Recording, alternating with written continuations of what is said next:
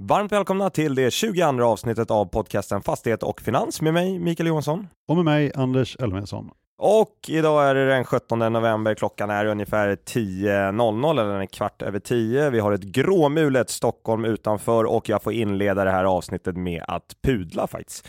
Och det här är ju tråkiga nyheter att berätta om, men jag satt ju i förra avsnittet och stolt berättade att jag nu äntligen hade fått en parkeringsplats. Men det visar sig ju att den här parkeringsplatsen är för liten för min BMW 330 e laddhybrid som jag rattar runt i Stockholm i, så jag får inte plats i den här jäkla parkeringsplatsen, så jag var ju tvungen att ge tillbaks den till föreningen och vackert ställa mig i kö igen. Men du får ju erbjuda någon en muta som har en lite mindre bil tänker jag och byta. Ja, men det var den här klassiska. Jag frågade, det stod en liten person på platsen bredvid som var mycket större, frågade då, ja, men kan inte den personen tänka sig att switcha? Men den personen hade naturligtvis planer om att köpa en större bil till våren, så det var inte aktuellt. Och det visade sig faktiskt också att jag var nummer två i kön, så att den som var nummer ett hade också tackat nej för att platsen var för liten då. Så att eh, det här var lite, eh, vad ska vi säga, falsk marknadsföring när jag var väldigt glad för förra veckan. Då. Så att det är bara, det är bara att erkänna här att eh, man får pudla och eh, helt enkelt fortsätta parkera bilen bilen på gatan. Eller så köper du lite äldre sportbil, de är ganska små i storlek. Ja, det kanske jag får prata med Soy där om han har något, eh, om han har något tips helt enkelt på en liten äldre sportbil som kan funka. Han är duktig på bilar. Ja, och speciellt Ferraris. Men på tal om eh, fastighetsmagnater eller fastighetsmoguler eller vad det nu kallas för någonting så är det så att jag har ju varit i New York City i veckan, flög hem i onsdags kväll och delade då plan med ingen mindre än Rutger Arnhult. Och Rutger var iklädd den ikoniska svarta t-shirten med I love New York City. Det tycker jag ändå var ganska fint när han kom gåendes i, i, i vad säger man, i gången i flygplanet där i den ikoniska tishan, eller hur Anders? Ja, eh, det var lite förvånande faktiskt.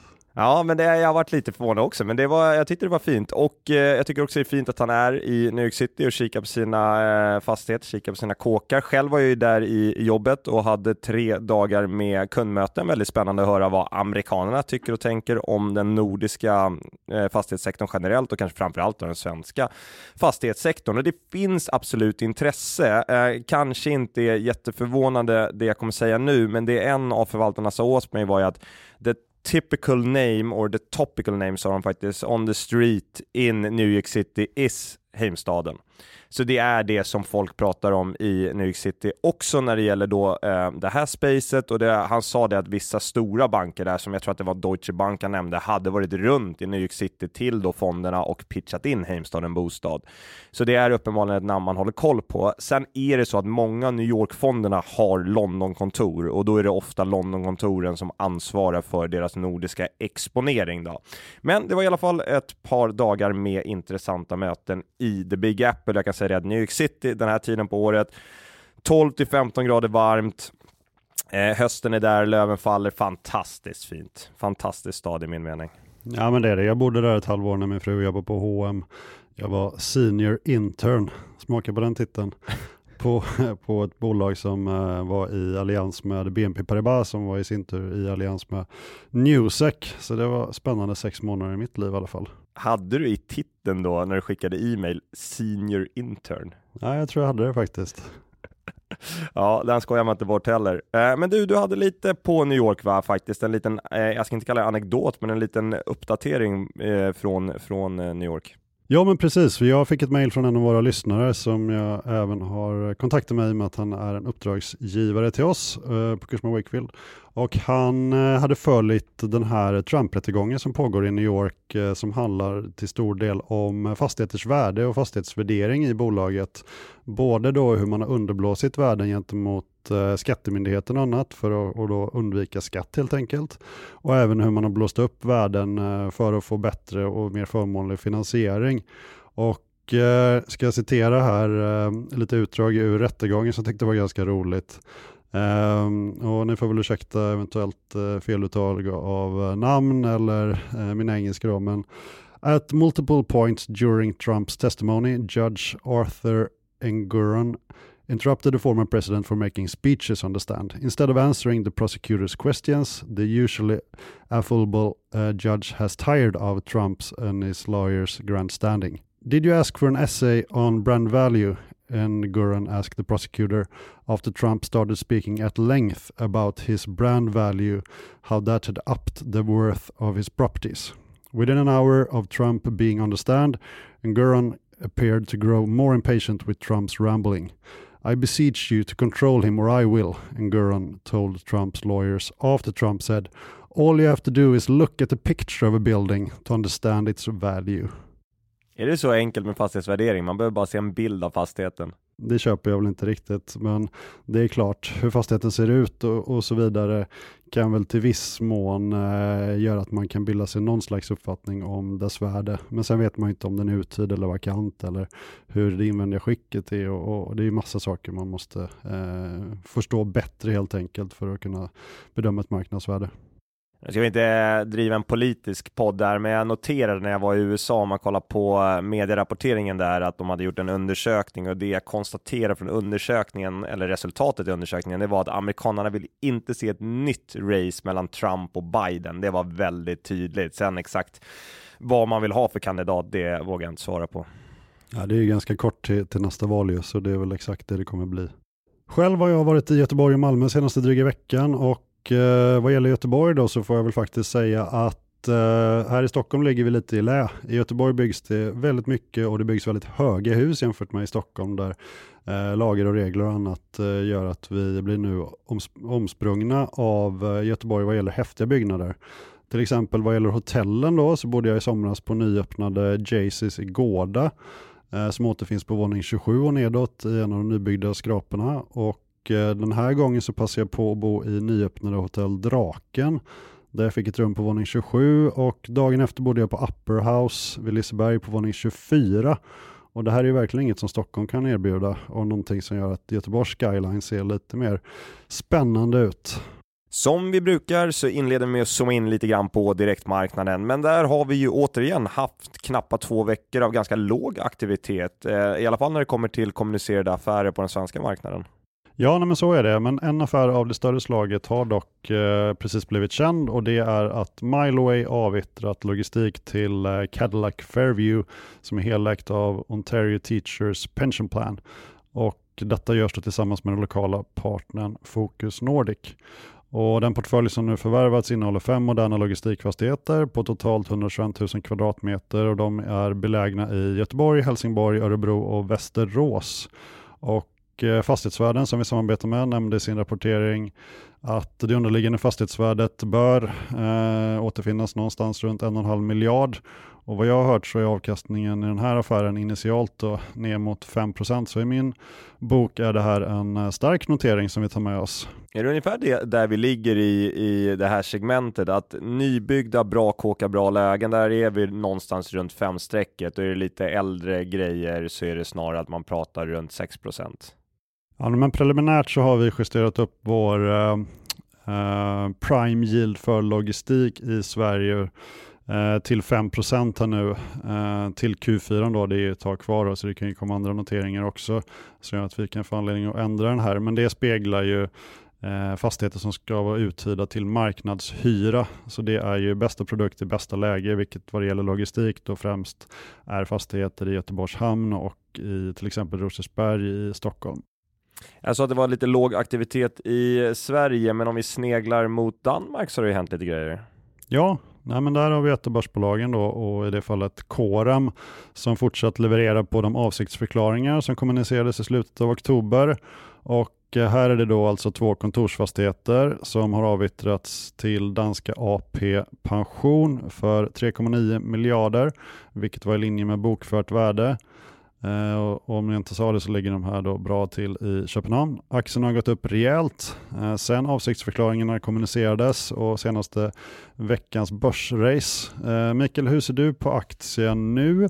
Och sen har jag också en fråga kring hur eh, påverkar den här svaga svenska kronan att försäljningen lyckades ske i linje med bokfört värde? Med andra ord, hur tar man hänsyn till valutaförändringar vid värdering i börsbolagen när man äger fastigheter i olika länder med olika valutor? Corum är ju en eh, aktie som pressats väldigt hårt givet oron för utspädande nyemissioner och risk för att man behöver sälja av mycket av sina bra tillgångar då samtidigt som det alltid finns en ex execution risk när det gäller att lyckas sälja helt enkelt. Så jag tror det är mycket det som, som börsen har prisat in och nu när man lyckas de-riska caset lite grann då genom de här försäljningarna som vi pratar om, då sätter ju börsen en mindre riskpremie på bolaget och aktien performar. Det är ju ganska naturligt kan jag tycka tycka. Eh, sen är det väl så att kåren är väl upp någonstans runt 60 procent tror jag från bottennoteringen här i oktober, så det har gått väldigt snabbt uppåt igen då efter att eh, aktien under lång tid har varit väldigt eh, pressad. Eh, som jag kan ha nämnt tidigare då, eh, så är man ju utanför Norden ganska förvånad över att många av de svenska bolagen inte har hedgat sin valutarisk. Eh, men i just det här fallet är det klart att det hjälper att KRM troligen inte har hedgat sin exponering i danska kronor när man nu säljer av. Jag skulle tippa att man inte har gjort det om jag, om jag känner, känner Rutger rätt, så misstänker jag i alla fall att det här inte är hedgat. Så det är klart att det hjälper till att den här försäljningen kan ske och man kan plocka hem den valutavinsten. Så även om det då skulle vara så att man säljer lite under eh, kanske det värde som, som man har i, i böckerna så får du i alla fall en, en valutavinst som du har fått här under de, de senaste åren. Så det, det supporterar absolut.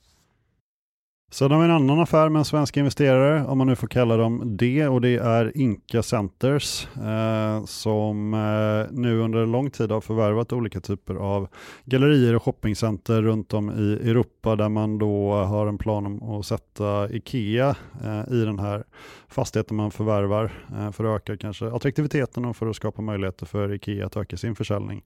Den här gången har man förvärvat Churchill Square Shopping Center i Brighton och här var den initiala yielden 11 eh, procent. Och eh, detta då efter att köparen fått igenom ett prisavdrag på cirka 20 procent mot tidigare diskuterade eh, nivåer i våras.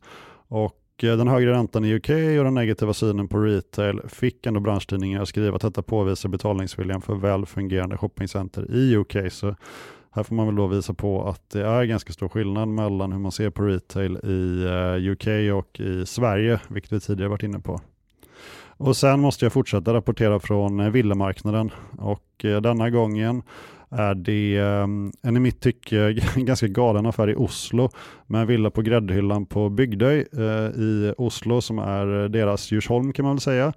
Säljaren köpte villan eh, som ligger fint med sjötomt för cirka 60 miljoner norska kronor för åtta år sedan och ska ha investerat 100 miljoner sedan dess. Då.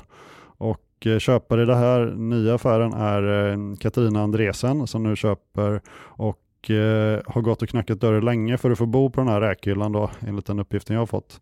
Och till slut så var det någon som nappade och då var man villig att betala hisnande 590 miljoner norska kronor och kvadratmeterpriset landade därmed på nästan en miljon. Och Eh, köparen kommenterade villaffären till Dagens Näringsliv i, i Norge med att vi har gjort en långsiktig investering i generationer i en vacker fastighet. Och familjen Andreasen kallas ofta för Norges svar på familjen Wallenberg och de båda systrarna som arvtagare till imperiet som bland annat kontrollerar kartongtillverkaren Elopak och sportutrustningstillverkaren Swix är goda för ungefär 15 miljarder vardera enligt Forbes. Och som en jämförelse här kan man väl nämna att det dyraste objektet som ligger ute i Djursholm just nu har utgångspris 175 miljoner och budgivning pågår. Man kan dock inte se vad eh, buden ligger på, kanske av naturlig anledning. Eh, och vidare kan man väl jämföra det här kvadratmeterpriset på nästan en miljon eh, med en annan villaförsäljning som vi rapporterade om tidigare och det var i Malibu i Kalifornien där Jay-Z och Beyoncé betalade ungefär 760 000 per kvadratmeter, alltså en bra bit under villan i Oslo. Eh, så det får en ju att tänka efter lite. Men sen tänkte jag så här att är det så orimligt egentligen att betala för en privatbostad ungefär 4% av ens totala förmögenhet? Du och jag Mikael, när vi köper lägenhet och hus, eh, då kanske vi köper eh, vår del av, av själva köpet kanske motsvarar 200-300% av vår förmögenhet och Eh, lite grovt uppskattat så betalar nog en stockholmare någonstans mellan 200-400% av den totala förmögenheten för den bostaden man köper. Eh, så 4% kontra 400%, eh, det gör väl att det kanske inte är en så tokig affär ändå och jag tror definitivt vi kommer få se fler affärer av den här typen som kommer sticka i ögonen på oss dödliga men där de eh, eh, ultrarika, om man får kalla dem så, eh, mer eller mindre kommer rycka på axlarna och tycka att det, det är väl en ganska bra affär ändå. Eh, det finns ju som sagt en, bara en viss mängd villor i bästa läge i de europeiska storstäderna. Det finns bara en viss mängd av de finaste konstverken, samlarbilarna och så vidare. Fastighet och Finans är även denna vecka inspelat i samarbete med Fastighetsvärlden. I snart 40 år har Fastighetsvärlden genom konferenser, magasin, nyhetsbrev och hemsida levererat marknadsledande nyhetsbevakning av Sveriges bygg och fastighetsbransch. I detta avsnitt passar vi på att återigen lyfta årets sista seminariedag som Fastighetsvärlden arrangerar, nämligen Cash is King 2, som går av stapeln den 29 november på Kulturhuset i Stockholm. Bara dagar efter att Riksbanken lämnat sitt senaste penningpolitiska beslut står vice riksbankschef Per Jansson på scen och kommenterar det ekonomiska läget och aktuell penningpolitik. Ta chansen att läsa mellan raderna och bilda din egen uppfattning om vart vi är på väg och hur den resan kommer påverka fastighetsbranschen. Ja, ett annat inslag under dagen då många kommer spetsa öronen, misstänker i alla fall, är när Atrium Ljungbergs VD Annika Ånäs talar på temat att våga starta projekt i oroliga tider. Bolaget har ju en av de mest spännande projektportföljerna bland de noterade bolagen, men vilka projekt prioriterar man egentligen? Och vilka skjuts på framtiden? Och hur löser bolaget projektfinansieringen? Vi kan varmt rekommendera er att närvara på denna spännande seminariedag där jag även kommer finnas på plats samt att ta del av de senaste nyheterna från fastighetsbranschen genom fastighetsvärldens olika kanaler. Vi är ju även sponsrade av Affärsvärlden som denna vecka har ett fantastiskt Black Friday-erbjudande som vi uppmuntrar alla lyssnare att ta del av. Ni ges möjlighet att testa Affärsvärlden Premium gratis i en månad utan att därefter binda upp er för en fortsättning. Men om ni, liksom vi, liksom vi redan har gjort, fattar tycke för Affärsvärlden Premium så får ni 15% rabatt på prenumerationen efter den första månaden. Använd koden BF alltså B F Fastighetsfinans ihopskrivet som ett långt ord eller så klickar ni på länken i avsnittsbeskrivningen i er podcastspelare. Notera dock att erbjudandet endast går att ta del av fram eh, till och med Cyber Monday, alltså måndagen den 27 november. Och för er som inte redan känner till Affärsvärlden så kan vi berätta att det är Sveriges ledande ekonomimagasin. I år har Affärsvärlden utsetts till Sveriges bästa magasin och har flera prisbelönta ekonomijournalister och analytiker som bevakar och analyserar fastighetsbolag men också ett stort antal andra branscher. Med Affärsvärlden Premium får du tillgång till alla artiklar, över 500 aktieanalyser per år och insyn i Affärsvärldens egna portföljer. Börsens fastighetsbolag skrivs det spaltmeter om i dessa tider både på Affärsvärldens hemsida och i magasinet. Efter SBBs rapportsläpp så fanns självklart en artikel på ämnet. Efter kårens avsiktsförklaringar så var Affärsvärlden snabba att lansera en uppdaterad analys på bolaget och efter att den nya KPI-siffran damp ner så fanns en artikel som beskrev hur detta kommer påverka både fastighetsägare och hyresgäster. Avslutningsvis så kan vi verkligen rekommendera att testa Affärsvärlden genom det förmånliga Black Friday-erbjudandet.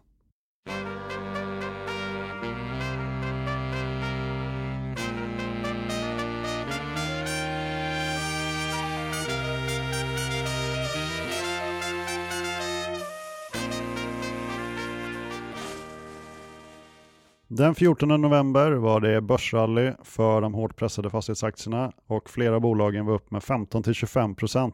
Kommentar på den här dagens börsaktivitet Mikael?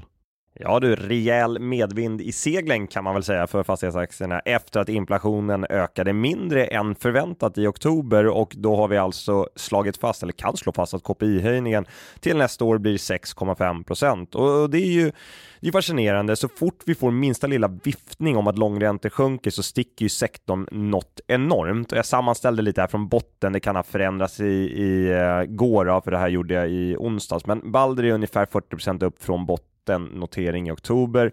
Kåren som jag nämnde är 60% Nyfosa 34, eh, Atrium Ljungberg 22, Castellum 24, Fabg 24. Poängen fastighetsaktier har gått rejält sedan man hade en botten i ungefär mitten av oktober. Och det är väl just det här spelet man får spela på kort sikt. Tror man på kraftigt fallande långräntor i närtid då kommer ovan trend sannolikt fortsätta, alltså trenden att hög Eh, de högbelånade bolagen, de, de stiger mest då helt enkelt. Då börsen eh, troligen då eh, diskonterar sannolikheten för utspädande nyemissioner i dessa bolag som väldigt mycket mindre, eh, mindre trolig då än vad man har gjort tidigare. På lång sikt så styr naturligtvis många andra faktorer också och det finns en viss risk att säga att rallyt vi nu ser är lite av ett så kallat suckers rally.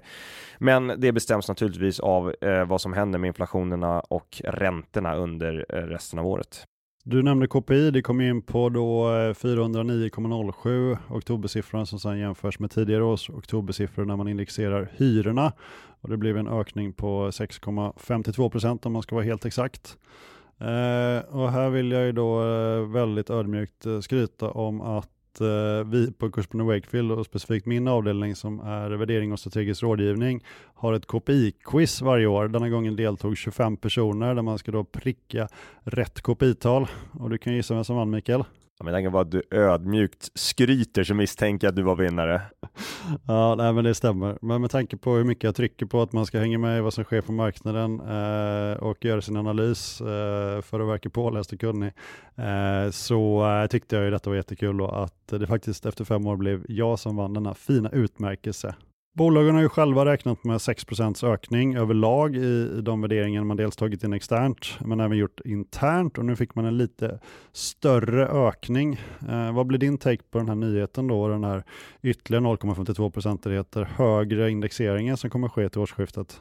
Det var ju lite som en annan analytiker var ute och pratade den dagen i Dagens Industri som det här då rallyt i fastighetssektorn gick det här ger ju support för bolagen. Man får ju nu ett lite högre intäktslyft än vad man kanske räknat med samt att det här intäktslyftet kommer ge support åt värderingarna i, i fjärde kvartalet. Så är det ju. Så att det är ju positivt. Nu får vi se dock vad Riksbanken väljer att göra den 23 november, eh, vilket såklart blir eh, väldigt avgörande tror jag för resten av året på börsen. Ja, ett bolag som figurerat flitigt i podden är ju SBB och Eh, dess aktie har nu letats upp från bottennivåer kring 3 kronor till att istället handlas kring eh, knappt 4 kronor när jag tittade senast. Q3-rapporten följdes av eh, förnyade säljrekommendationer med ytterligare lägre riktkurser. Carnegie hade följande rubrik på sin analys, en lång dags färd mot natt med anspelning på den kända pjäsen. Och du som gillar kända citat och, och sägningen måste ju knutit handen i fickan tänker jag Mikael. Kommentar på bolagets Q3-rapport? Jag gillar ju eh, citat, det gör jag ju faktiskt. Eh, men eh, om vi ska kolla SBB, jag ska inte kommentera Carnegie, det var väl en, en fyndig titel får vi, får vi ge deras analytiker. Men om vi pratar SBB då, man valde ju att lyfta fram den okonsoliderade versionen av resultatet, resultatet vilket gjorde att jämförelsen med konsensus blev egentligen irrelevant, även om man kunde ju räkna fram det konsoliderade resultatet på egen hand, så det var inte så att det inte gick att göra. Reaktionen i måndags då på börsen, alltså när rapporten kom, den var ju ganska negativ negativ och jag tror generellt marknaden hängde upp sig på att likviditetsbryggan som man presenterade, den såg lite sämre ut än förväntat. Jag kan väl tycka att just den biten blir lite, lite misstolkad i det här fallet då SBB tog en ganska konservativ approach i min mening till bankskulden i det man presenterade. Och utgår man från att den rullas fullt ut så ser det ju väldigt mycket bättre ut än det man presenterade då. Skulden i SBB har ju sänkt sin nominella termer med cirka 23 miljarder senaste året men det är väldigt mycket mer här som kommer behöva göras. Så att summeringen är väl att det operationella fortsätter ticka på fint och det borde vi inte glömma då det gör det ganska mycket enklare för SBB i längden här att sälja tillgångar eller då att hitta partners i sina JVn. Men fokus i SBB är kortsiktigt i alla fall på likviditeten och eventuella kovenantbrott. Och där var den initiala reaktionen, eh, även om jag då inte nödvändigtvis håller med om den till 100% så var den negativ. Eh, Rickard Bråse på Dagens Industri vaknade till liv i samband med den här rapporten och eh, gick ju bland annat loss på att man dragit in kreditfaciliteter kopplat till att bolagen nu har high yield eh, rank rating och att det är först när bolaget återigen blir investment grade som det här kommer tillbaka. Din kommentar på det Mikael? Man ska inte underskatta vikten av en IG-rating, men det här är ju inte något ovanligt att banker har med i dokumentationen när det gäller just faciliteter. Så att, jag menar, SBB måste ju här arbeta för att få nya på plats, men när de faciliteterna kom på plats så var bolaget IG-ratade. Då är det inte alls ovanligt att bankerna har med det som en klausul där de kan välja att dra tillbaka faciliteterna om den officiella kreditratingen går under, så att det alltså, går under investment grade eh, nivå. Så att det här var inte någon jätte jättekioskvältare egentligen kan jag tycka. Sen är det väldigt negativt. Det ska man ju ha klart för sig att, att de faciliteterna inte går att dra på. Det ska man vara väldigt tydlig med är väldigt negativt för, den, eh, för, för SBB och den situationen man befinner sig i. Dagar innan rapporten kom även ett krav på bolaget från den amerikanska investmentfonden Furtree Partners. Den av SBBs VD Leif Sinnes opportunistiska amerikanska fonden kräver återbetalning av obligationer om totalt 46 miljoner euro med hänvisning till att SBB har brutit mot villkoret om räntetäckningsgrad. Kommentar på det Mikael? Det ställer ju till det för SBB, ehm, det råder det inga tvivel om. Denna typ av krav försvårar ju bolagets möjligheter att hitta hitta finansieringslösningar och gör nog alla stakeholders i bolaget lite lätt nervösa, ska vi, ska vi uttrycka oss så. Dock står jag väl fast vid det jag sagt tidigare, att lagen här är mest troligen på SBBs sida om det är så att det här går till en prövning. Eh, men den process, processen, det kommer ju i så fall ta ganska, ta ganska lång tid. Så att det, det är negativt eh, för att det drar till sig intresse och publicitet som SBB inte är i behov av just nu, men jag tror som sagt att givet alla de jag har pratat med som har använt legal rådgivning också för att utreda det här så skulle SBB vinna om det verkligen ställdes på sin spets. Men det disclaimer där, det kan vi inte på något sätt garantera, men det är bara de jag har pratat med som har tittat lite närmare på situationen. Som jag förstår det är det även brittisk lagstiftning som ska tillämpas, vilket gör det ytterligare lite komplext. Eh, korrekt. Sen var redovisningsdoktorn Joakim Landström som tidigare varit ute och vevat kring Baller och Castellums uteblivna nedskrivningar av Entra-innehaven eh, med i Dagens Industri igen här med ett uttalande om att SBB skulle ha brutit mot ytterligare en konvenant som handlar om insolvens. Eh, SBBs Consolidated Solvency Ratio får inte bli högre än 65 procent och Landström menar att eh, så nu är fallet i Q3 att den är på nästan 69 procent. SBB SBB tillbakavisar dock detta och menar att fastighetsbolaget inte har brutit mot den här konvenanten. Vilken är din analys Mikael? Ja du Anders, eh, jag tror att Joakim är lite snett på bollen här, men man ska ha respekt för att obligationsrekommendation ibland kan ju vara ganska tradig och i slutändan behövs nog juristhjälp för att vara 100% säker. Men det han gör egentligen är att han räknar hybridobligationerna som skuld, vilket jag Eh, ska jag säga då personligen tror är fel då det bokförs som eget kapital i bolagets redovisning i linje med IFRS. Och så som jag läser obligationsvillkoren är det som eh, eget kapital det instrumentet då ska ses. Eh, men han gör ju då en annan bedömning, så varför han gör en annan bedömning, det får vi nog fråga Joakim helt enkelt. Men en egen bedömning i det här fallet, eh, det blir lite märkligt när det är IFRS man ska förhålla sig till om jag förstår det rätt och då är det väl ändå eget kapital det ska räknas som de här hybridinstrumenten? Ja, jag vill ju hävda det och så tittar vi på det och så tittar vi på det för alla andra bolag med hybridobligationer just när man beräknar eh, konvenanterna eh, i, enligt obligationsvillkoren. Så jag tycker att det skulle vara väldigt märkligt om obligationsvillkoren stipulerar att du ska titta på hybridobligationer annorlunda än i bolagets redovisning. Jag skulle vara väldigt förvånad om så är fallet, så jag känner mig ganska trygg i att han har fel i det här, men jag vågar liksom inte gå ut hundraprocentigt och säga att han har helt fel. Men det är i alla fall därför han kommer till en mycket högre siffra än vad bolaget själva ser och vad vi, eh, många av oss andra som tittar på det här ser. Det är därför vi inte har flaggat för att det här ska vara några, eh, några problem egentligen, för att vi ska ha klart för oss också, den hybridskulden är alltså på 15,8 miljarder, så det gör en ganska stor skillnad i den här beräkningen. Han kanske helt enkelt bara fick smak på uppmärksamhet efter senaste artiklarna och nu gick igång på någonting som är byggt på lite lösa boliner. Eh, det skulle kunna vara så, det var, kan inte jag egentligen svara på. SBB avser att återköpa hybridinstrument genom en så kallad holländsk aktion med delar av de likvida medel som nu frigjorts efter att det koncerninterna lånet till Brookfield återbetalts. Och detta eh, förstår jag det som är något som är i linje med det som du tidigare varit inne på Mikael. Och det låter ju som en bra idé, men samtidigt så har bland annat Nordea varit ute och sagt att SBB inom 12 månader kommer att slå på kassan. Har SBB råd med detta till synes smarta draget? Jag ska tillägga att det inte bara är hybridinstrument som de är ute och eh, tänker köpa tillbaka, utan det även är seniora icke säkerställda obligationer. Då. Och jag kan inte uttala mig om Nordeas vy, men som tidigare nämnt då, eh, utgår man från att bankskuld rullas bör nog detta vara en övning som SBB faktiskt har råd med. Och dessutom hade det varit ganska märkligt att man gör det om det inte finns täckning för det. Dock ska vi vara noga med att påpeka en sak här och det är att det finns en klausul i det SBB skickade ut som gör att det i slutändan kan bli så att man inte köper tillbaka något alls. Återköpserbjudandet är nämligen subject to, som det så fint heter, två stycken klausuler. Den ena egentligen är att Educode-transaktionen ska slutföras, vilket man nu har bekräftat att den kommer att göras, och den andra klausulen hade att göra med att det inte ska finnas några utestående legal claims på SBB, vilket det då gör i och med den här accelerationen av obligationsskuld skulle jag vilja hävda. Så att den kan ju SBB sen välja att waiva om man fortfarande vill genomföra det här, men det är ändå en liten parameter att ta hänsyn till. Eh, men jag vill bara passa på att säga det Anders, att precis som du säger och som jag nämnt tidigare, att köpa tillbaka skuld till rabatt är en överlägset bästa investeringen bolaget kan göra om man har möjligheten. Allt handlar ju om likviditet och jag räknar med att det här återköpet, om det nu genomförs, kan skapa ett par hundra miljoner euro i eget kapital för SBB givet den rabatten man bör kunna få tillbaka skuld till då. Så att redovisningsmässigt skapar ju det eh, eget kapital helt enkelt på balansräkningen. Så det här är väldigt attraktivt för SBB om man lyckas göra det. Men de här instrumenten nu som är aktuella att återköpa, vad handlas de på för nivåer kontra nominellt värde eller om man ser till avkastning fram till förfall? Hybridobligationerna handlar någonstans runt 17-18% av sitt nominella värde. Så att kan man köpa tillbaka, jag tror att man var ute och flaggade för att man eh, erbjöd 15%, där tror jag inte kanske man får på sig jättemycket, men säg att du kan köpa tillbaka det på 20% om nominellt värde kanske.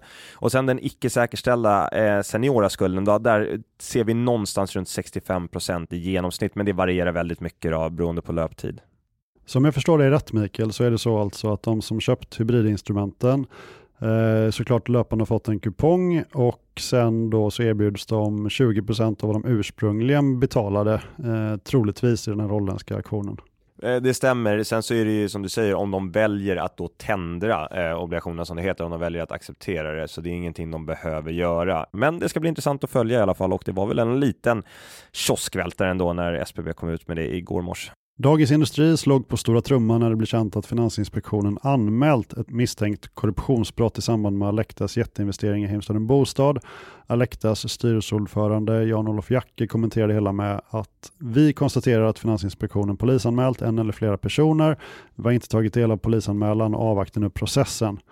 Christian V. Dreyer, COO på Heimstaden, kommenterade det hela med att frågan tycks handla om potentiella lagöverträdelser eller Alectas interna regler från en eller flera personer som kan utgöra ett lagbrott.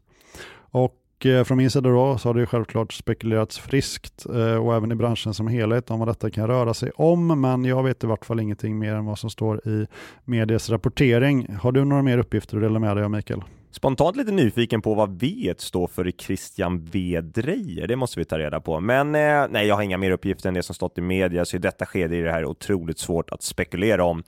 Eh, just då informationen som finns publikt än så länge är ju ganska bristfällig och det blir ju då svårt att dra allt för långgående slutsatser kan man väl säga. Men det är klart att så fort man läser ordet korruption så stelnar man ju till, vilket även marknaden kan jag tycka gjorde till viss del eh, då när det här kom ut då, och då pratar jag mest om kreditdelen såklart. Eh, beroende på vad som faktiskt skett kan det här absolut få påverkan på dels förhandlingen mellan Alecta och Heimstaden, men kanske framför allt eh, på Alectas möjlighet att supportera Heimstaden Bostad med eget kapital. Ja, för du var ju ute i en artikel som följdes upp eh, i Dagens Industri av den första, eh, där du bland annat fick frågor kring hur bolagets obligationer handlades efter den här nyheten om brottsmisstankarna och även Alectas möjligheter att skjuta till ytterligare kapital till bolaget. Eh, så du får gärna ge oss en summering av vad du sa i artikeln och hur obligationerna handlas nu och på, och på vilka nivåer avslut sker jag sa väl ungefär det som jag precis eh, var inne på här, att eh, det är väldigt svårt i dagsläget att dra allt för långgående slutsatser. Jag tror man ska vara försiktig med att göra det i det här fallet innan vi vet vad som faktiskt har skett. Men som sagt, jag tror att om det visar sig att det varit en korruptionsskandal på, en, på ett svenskt pensionsbolag, det har ju potential att få ganska långtgående konsekvenser på hur omvärlden ser på vår lilla fastighetsmarknad här i Sverige. Så det får vi hoppas att det inte är eh, fallet. Sen så handlade man isär eh, Heimson Bostads eh, icke säkerställda obligationer. Jag kommer inte ihåg exakt, jag tror att man pratar i termer av 40 punkter isär kanske när, när nyheten kom ut. Så det är klart att eh, det får, eh, med tanke på hur mycket skuld det här bolaget har ute i marknaden, klart att det är ganska mycket dyrare det kapitalet. Sen så påverkar inte det Heimstaden direkt, utan det är bara var deras instrument omsätts på i andrahandsmarknaden. Men uppenbarligen så fick det här eh, effekt eller konsekvenser ska jag väl säga.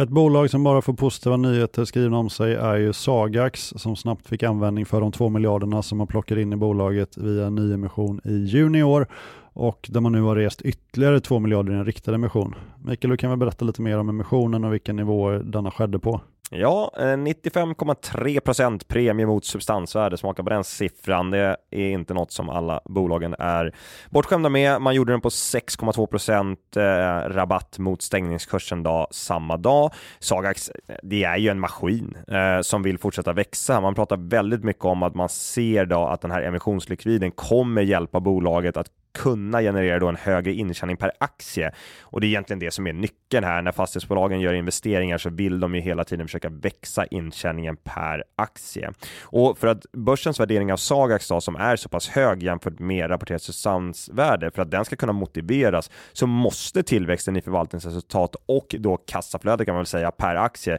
det måste fortsätta visa den här fantastiskt fina utvecklingen som vi har sett i Sagax under ganska lång tid och då behövs helt enkelt mer eget kapital här för att kunna fortsätta göra förvärv och fortsätta växa. Så äh, det går inte att säga någonting annat än att bolaget är, det är en maskin. I vårt västra grannland Norge så har Olof Thon rest pengar på obligationsmarknaden. De reste 700 miljoner via en icke säkerställd obligation som löper på två år med en fixkupong på 5,67 procent och sen 380 miljoner via en icke säkerställd obligation som löper på 6,5 år med en spread på 165 punkter över norska tremånadersräntan.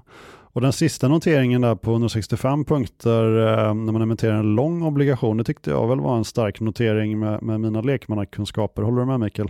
Eh, absolut, helt enig. Eh, väldigt stark notering, men jag tror att bolaget, de drar ju nytta av att man är ett av få nordiska bolag som håller sin kreditrating oförändrad i de här svåra tiderna. De, en, de flesta andra bolagen har ju fått se sitt ratingbetyg eh, sättas under ganska hård press, men Olof Thon är ett av få bolag då som har klarat sig ganska bra undan Moody's tuffa eh, marsch framåt, eller vad vi nu ska kalla det. Så bolagets balansräkning, den är ju väldigt konservativ och det operationella går väl lite bättre tror jag än vad, vad många alla fall förväntade sig. Så jag ser alla, alla emissioner här egentligen på obligationsmarknaden ser jag som positivt för sektorn som helhet, men för Olav Thon så är det här absolut ett styrketecken då på individuell basis. I en artikel skriven av en journalist på vår sponsor Affärsvärlden lyfts den höga andelen blankade aktier i JM efter senaste veckans race i SBB-aktien så misstänker jag att JM kanske till och med nu är Stockholmsbörsens mest blankade aktie. Men det är en ren spekulation från min sida, du har inte sett några siffror på det här. I artikeln så uttalar sig Johan Skoglund om att när vi pratar med de hedgefonder som blankar så säger de att man tar ett bett på att bostadspriserna ska ner ytterligare i Sverige, att det alltså är ett makrocase man tittar på. Du som precis varit i New York, vad hör du från de investerare du träffar eh, kopplat till tilltron till de svenska bostadspriserna? Tilltron är väldigt låg, eh, men det kanske inte är så konstigt. Va? Artiklarna som kommer kring det här ämnet i exempelvis Bloomberg, då, de är oftast väldigt, väldigt negativt vinklade. Och givet den höga skuldsättningen som ändå finns bland svenska hushåll i kombination med en kraftigt ökande ränta, ja, då förväntar sig folk en nedgång helt enkelt. Eh, ofta läser man om the Swedish housing bubble och, och, och så vidare. Det är det som de matas med här ute. Så att Eh, nej, det är en väldigt låg tilltro och jag ska säga det och att man dessutom inte riktigt kan få ihop kalkylen idag bland bolagen för nybyggen. Det gör ju inte deras vy utomlands bättre av att det här är en väldigt attraktiv eh, sektor eller segment att vara i. Du uttalade i en artikel på Dagens Industri om att high bolagens obligationer på skärm tycks vara värda inte långt från dess nominella värde. Alltså att kreditinvesterare prisar in en oväntad liten riskpremie. Och din take var att handeln i obligationerna som denna typ av bolag ställt ut är begränsad varför det ofta är en felprissättning på skärm. Kan inte du förklara lite mer vad det är eh, som detta rent konkret innebär? vad, vad är det man ser på den så kallade skärmen och varför eh, skulle det vara fel? Vi hade ett event igår också där jag pratade med lite investerare om just den där artikeln. Jag tror att en del av de saker som jag citerades på kanske hade låtit lite, lite annorlunda om det sattes i ett bredare sammanhang. Så jag uppskattar Anders att jag får möjligheten här att prata lite om det, för det jag egentligen sa och som jag står för, det är att likviditeten i vissa svenska high obligationer bland fastighetsbolagen in emellan är ganska dålig. Och Omsätts inte obligationerna så kan det ju då i vissa fall vara så att det är priset man ser på skärm som ofta då kommer eh, baseras, det skärmpriset alltså på senaste handeln, det kommer ju vara lite skevt då om det här inte omsätts. Och det här priset på skärm, det kallar man då, eh, inte så konstigt kanske, för skärmpriser. Och det är egentligen vad de olika bankerna ställer för pris i de här instrumenten. Och det är ofta, oftast detta som, som fonder använder som grund när de ska prissätta sina innehav, vilket då i slutändan kan leda till att de rapporterade värdena i fonderna inte alltid är detsamma som värdet om man skulle likvidera fonden. Eh, men det här gäller ju absolut inte hela obligationsmarknaden utan är begränsat till enskilda papper i stressade situationer. Så en väldigt liten del av eh, marknaden. Det jag tror framförallt att fastighetssektorn i svenska kronor är den som är lite speciell för att vi har en så pass hög koncentration på eh, obligationer eh, i fastighetssektorn i svenska kronor. Ja, men jag hänger inte riktigt med. Du, du menar, vad, vad, är det för priser de ställer på skärm? Eh, de måste väl ändå åta sig att köpa eller sälja till de priserna de då ja, ställer på skärm? Nej, men inte nödvändigtvis, utan du har en så kallad bid-ask spread i enskilda papper som då på skärm är indikationer på var den här obligationen ska omsättas. Men det kan vara så att det inte går att omsätta på de priserna, utan ett exempel är Oscar Properties icke säkerställda obligation som under förra hösten på skärm, enligt skärmpriser, låg runt 70% av sitt nominella värde därför att ingen av bankerna som då ställde pris i den eh, ställde ner det och det kanske gick att omsätta en enskild post där, alltså en miljon exempelvis. Men skulle du omsätta en större post så var priset betydligt mycket lägre för det finns ingen köpare, eller fanns ingen köpare i alla fall då, på den nivån. Så när det, det var prissatt på 70 och de som baserade då sina NAV på den prissättningen, de hade 70 i eh, rapporterade siffror. Men sen så gick det igenom en lite större trade i det namnet. Eh, jag kommer inte ihåg exakt summa, men en liten större trade. Den gjordes då på 50. För det var där som det fanns en köpare. Visade sig då när mäklare var ute och försökte hitta en köpare. Det var en person som sa jag vill sälja, försök hitta ett bid och bidet kom in på 50. Då omsatte man det på 50. Helt plötsligt hade du en ny prispunkt i marknaden och då var det därifrån som då var det nya skärmpriset. Så det är det jag menar med att skärmpriser ibland kan vara lite skeva i vissa enskilda papper. Men jag tyckte kanske att artikeln lyfter fram det som att så alltid är fallet. Så är det ju verkligen inte och när det gäller de lite större investment grade bolagen så är det en väldigt, eh, eller väldigt, men en ganska likvid marknad där det omsätts mycket, så där bör man inte alls vara lika osäker på var exakt nivån är. Ja okej, okay. för är man inne och handlar aktier på Avanza eller Norden till exempel, då ser du ju bid-ask spread och du ser vilket djup det finns på de olika nivåerna på både köp och säljkurs och där vet du att det finns någon bakom som är villig att göra affär då, men det är tydligen inte så det funkar riktigt i obligationshandel. Nej, obligationshandel är ju eh, annorlunda där, den är inte lika automatiserad när det kommer till den här high yield-delen av marknaden och det är ju vad man kallar för en over the counter marknad, så det är mycket att man ringer och pratar med enskilda eh, mäklare då, som sitter och eh, mäklar de här papperna. Ja, det är så ni tjänar pengar helt enkelt. Eh, det är delvis eh, så vi tjänar pengar, ja. Riksbankens stabilitetsrapport släpptes den 9 november. Riksbanken konstaterar torrt att det är svårt att veta om fastighetsföretagens värderingar är helt rättvisande i ett läge där få fastighetsaffärer genomförs. Eh, ja, och det låter väl inte helt orimligt. De lyfter även en graf som visar på att de höga spreadar som high bolagen nu får betala skiljer sig kraftigt mot vad man tidigare fick betala och det visar även att den spreaden har gått upp ganska mycket mot vad investment grade-bolagen får betala. Mikael, tror att high yield bolagens spreadar kommer ner till mer rimliga nivåer? Just nu känns det som man emitterar obligationer eh, i den här typen av bolag när banken sagt nej. Men vad är en rimlig spread då för en icke säkerställd upplåning? Eh, kan det vara så att icke säkerställd obligationsfinansiering i vissa bolag snarare bör ses som billigt eget kapital än om man ska se det som dyr lånefinansiering?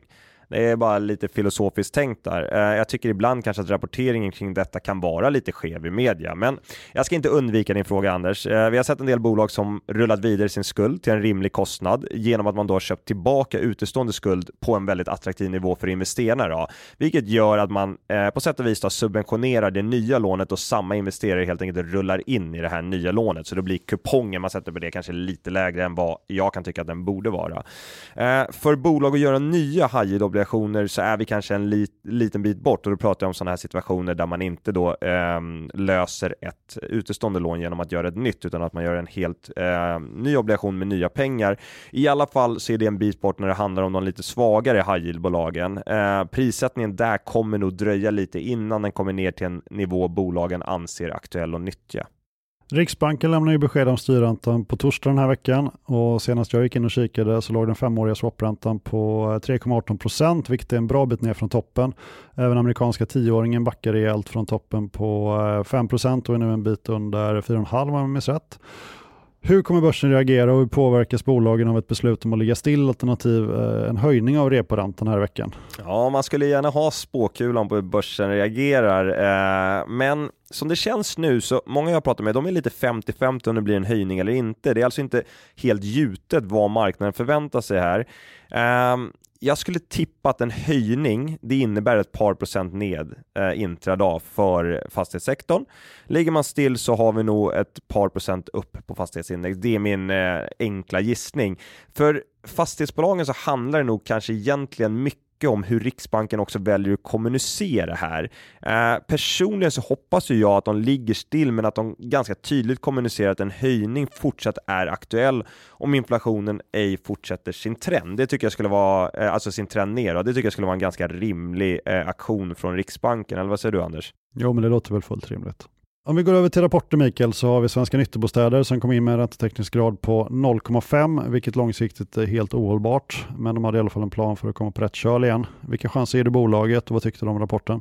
0,5 på räntetäckningsgrad är inget man hoppar jämfota över kanske. Eh, vi har ju diskuterat detta case lite tidigare i podden och den, den tidigare kapitalstrukturen var ju uppenbart ohållbar och man har nu gjort en hel del förändringar för att bolaget ska bli just långsiktigt hållbart. Jag tror att underliggande tillgångar är så pass attraktiva i det här bolaget att det finns ett case här i längden, men ägarna då med framförallt Jocke Alm i spetsen, de måste ju jobba hårt för att nå dit helt enkelt. Fastator har släppt rapport och i vd-ordet skrev Joakim Kuylenstierna att Fastator kommer att leverera på nytt, det lovar jag. Och hur mycket hans ord är värt med tanke på situationen bolaget nu befinner sig i återstår att se. Men vad tyckte du om rapporten Mikael? Jag kan säga att jag inte riktigt hunnit djupdyka i rapporten. Den kom igår när jag satt på flyget hem från New York City, men det räcker att ta en snabb titt på siffrorna för att konstatera att Fastator är i en extremt tuff situation. Eh, kassaflöde innan förändringar av rörelsekapitalet, det var negativt, minus 55 miljoner och adderar vi rörelsekapitalet så var det hela 104 miljoner negativt. Så att eh, bolaget blöder pengar helt enkelt. Eh, och det finns ju ett långsiktigt behov här av att ta ner skulderna i bolaget och det är ganska jobbigt när kassaflödet är negativt och lyckas med den bedriften. Så att Fasator har en svår situation att reda ut. I vd-ordet till eh, K2As rapport skriver Johan Knaust att eh, vår ambition är att genomföra ytterligare försäljning under slutet av 2023 och vi upplever ett fortsatt starkt intresse för våra tillgångar. Min fråga till dig Mikael blir, hur viktigt är de här försäljningarna för bolagets finansiella situation och vad tyckte du om rapporten? Jag är lite svag för eh, Johan Knaust. Jag tycker han är ohyggligt trevlig och i min mening en, en väldigt begåvad person. Eh, det ska jag säga först och främst. Eh, men för att koppla tillbaka till frågan då för bolagets finansiella situation så är försäljningarna extremt viktiga. De hade en tillväxt i jämförbart bestånd på 7,2 procent och det är riktigt bra givet portföljen. Men sen är det ju naturligtvis så att förvaltningsresultatet det har ju pressats rejält av ökade räntekostnader. Så Johan förstår ju naturligtvis den slutsats vi hade i vår kommentar på rapporten, nämligen att belåningsgraden måste tas ned i K2 och det ganska rejält. Då. Och bolaget kommer behöva sälja tillgångar för att nå dit. Eh, jag tror att den attraktiviteten det här bolaget har i sin portfölj det gör att jag tror att man kommer att lyckas med det. Frågan som kvarstår är hur mycket måste man sälja egentligen för att ta sig igenom 2024 års obligationsförfall? K-fastigheters vd Jakob Karlsson har väl främst varit omskriven den senaste tiden för att han sålt av större delen av sina aktier i SLP, men hans eget bolag har även rapporterat. Vad du säger om K-fastigheters rapport? K-fastigheter är inte ett bolag jag följer och jag har medvetet undvikit eh, att sätta mig in allt för mycket i deras verksamhet faktiskt. Eh, det har helt enkelt funnits andra bolag för min del att, att grotta ner mig i. Eh, men med det sagt så tittar man ju såklart på alla rapporter för att dra paralleller till de bolag som vi har officiell täckning Eh, på. Ehm, K-fastigheter när det gäller dem, de har ju nyligen genomfört en nyemission och Jakob pratar i rapporten om att man ska fortsätta vara en offensiv aktör. Eh, jag är inte rätt person att bedöma om de faktiskt kan vara det eftersom jag inte har eh, djupdyket i bolaget, men det går väl att ifrågasätta om de har en finansiell ställning givet marknaden som tillåter dem att fortsätta vara offensiva. Då. Så det ska bli intressant att följa. Sen har huvudstaden släppt sin rapport eh, och jag kan väl själv rekommendera en artikelserie i två delar som Fastighetsnytt gett ut där man går igenom fastighetsägandet i både Stockholm CBD och sen i närförort och drar lite paralleller kopplat till hur transaktionsintensiva olika bolag är så det får ni gärna läsa. Eh, men åter till rapporten Mikael, det var inte mycket dramatik här va? Nej precis Anders, i, i denna miljö som, som vi befinner oss i så blir det ju inte dramatik när man är så pass lågt belånade som det här bolaget är och allt fokus i sektorn är på finansiell risk så huvudstaden flyger väl lite under radarn och gener generellt har väl aktien gått bättre än många andra i sektorn om vi tittar på 2022 och 2023. John Mattsson har ju släppt sin Q3 och även meddelat villkoren i den fullt garanterade företrädesemissionen där teckningskursen landar på 33 kronor, vilket kan jämföras med onsdagens stängningskurs på 58,6 kronor per aktie. Eh, kommentar Mikael på rapporten och villkoren i företrädesemissionen. Nej, men här ska jag villigt erkänna att deras rapport har jag faktiskt inte tittat på. Det ligger på min to-do-list och är något jag tänkte roa mig med på, på söndag då jag har en liten catch-up-lista egentligen efter att ha rest en del denna veckan. Då. Men Eh, och jag ska säga det, vi har inte officiell täckning på John Mattsson, så ni som var oroliga att jag inte har skött mitt jobb där kan vara lugna. Men teckningskursen i, eh, i en företrädesemission, det blir lite en lek med siffror eh, och med det menar jag att givet att alla försvarar sin, sin position då, så spelar det ganska, alltså det spelar ganska liten roll vad du sätter priset till, utan man vill mest säkerställa att det görs på en nivå som gör det så pass kostsamt att inte deltaga, så alltså att man egentligen tvingar alla in eh, nuvarande aktieägare att delta. Vad bra Mikael. Eh, Innan vi avslutar så vill jag pusha för ett par saker faktiskt. Och eh, en sak som jag tror ni alla kan ha nytta av, eh, där flera säkert har snappat upp det här, det är ett lite ovanligt tips och det är att Skistar sedan länge har aktieägarrabatt. Så om man äger 200 aktier i Skistar så får man den här rabatten som gäller eh, aktieägarens familj, alltså make, maka, sambo samt egna barn under 18 år. Och då får man 15% rabatt på liftkort, skidhyra och skidskola. Men aktierna ska vara köpta och bokade och registrerade i ganska god tid innan säsongen. Så har ni tänkt åka iväg vecka 9 eller liknande här under våren så rekommenderar jag er att köpa 200 aktier. Jag tror ändå det kan bli en ganska bra affär på sikt när snön tör bort i Alperna. Sen har ju Roger Akelius föredömligt fortsatt att eh, jobba för att göra världen till en bättre plats och kör ytterligare en drive där man dubblerar eh, bidragen till välgörande ändamål.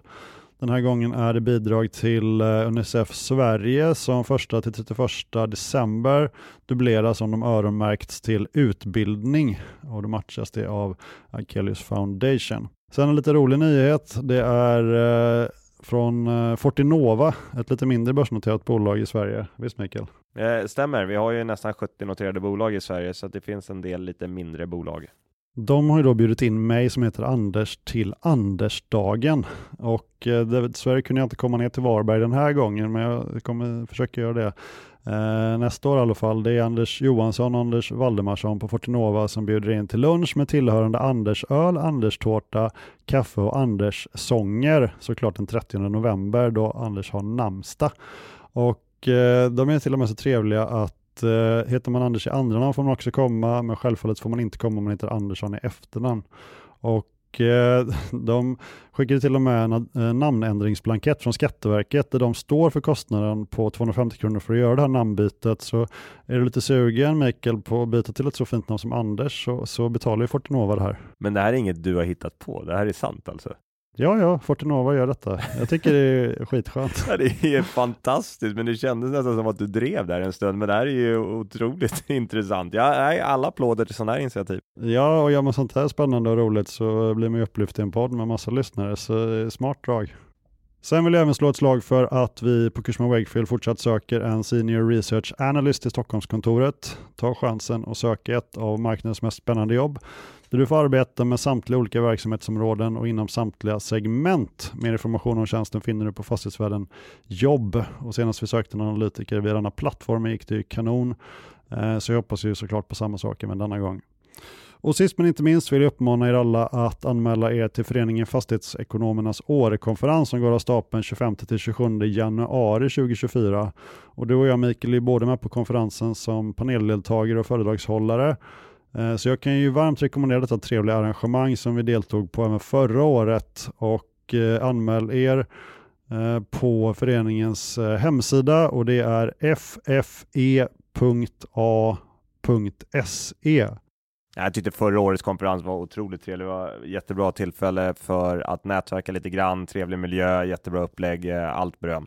Och sen ska jag passa på att säga det medan jag kommer ihåg det, att givet din pitch här på Skistar så ska vi vara tydliga med allt det vi sagt i denna podcast ska varken tolkas som en köp eller säljrekommendation i något finansiellt instrument. Helt riktigt. Och vill ni nå oss så gör ni det antingen via LinkedIn eller eh, via de företag vi jobbar på, i mitt fall Kursman Wakefield och i ditt fall Arctic Securities, eller via vår eh, mailadress som är fastighetfinanspodcast@gmail.com. Och med det så var vi väl ganska nöjda med dagens rekordlånga avsnitt. Eh, absolut, och eh, vi kan ju passa på att önska er en fortsatt trevlig vecka. Ha det gott allihop, hej då! Hej då!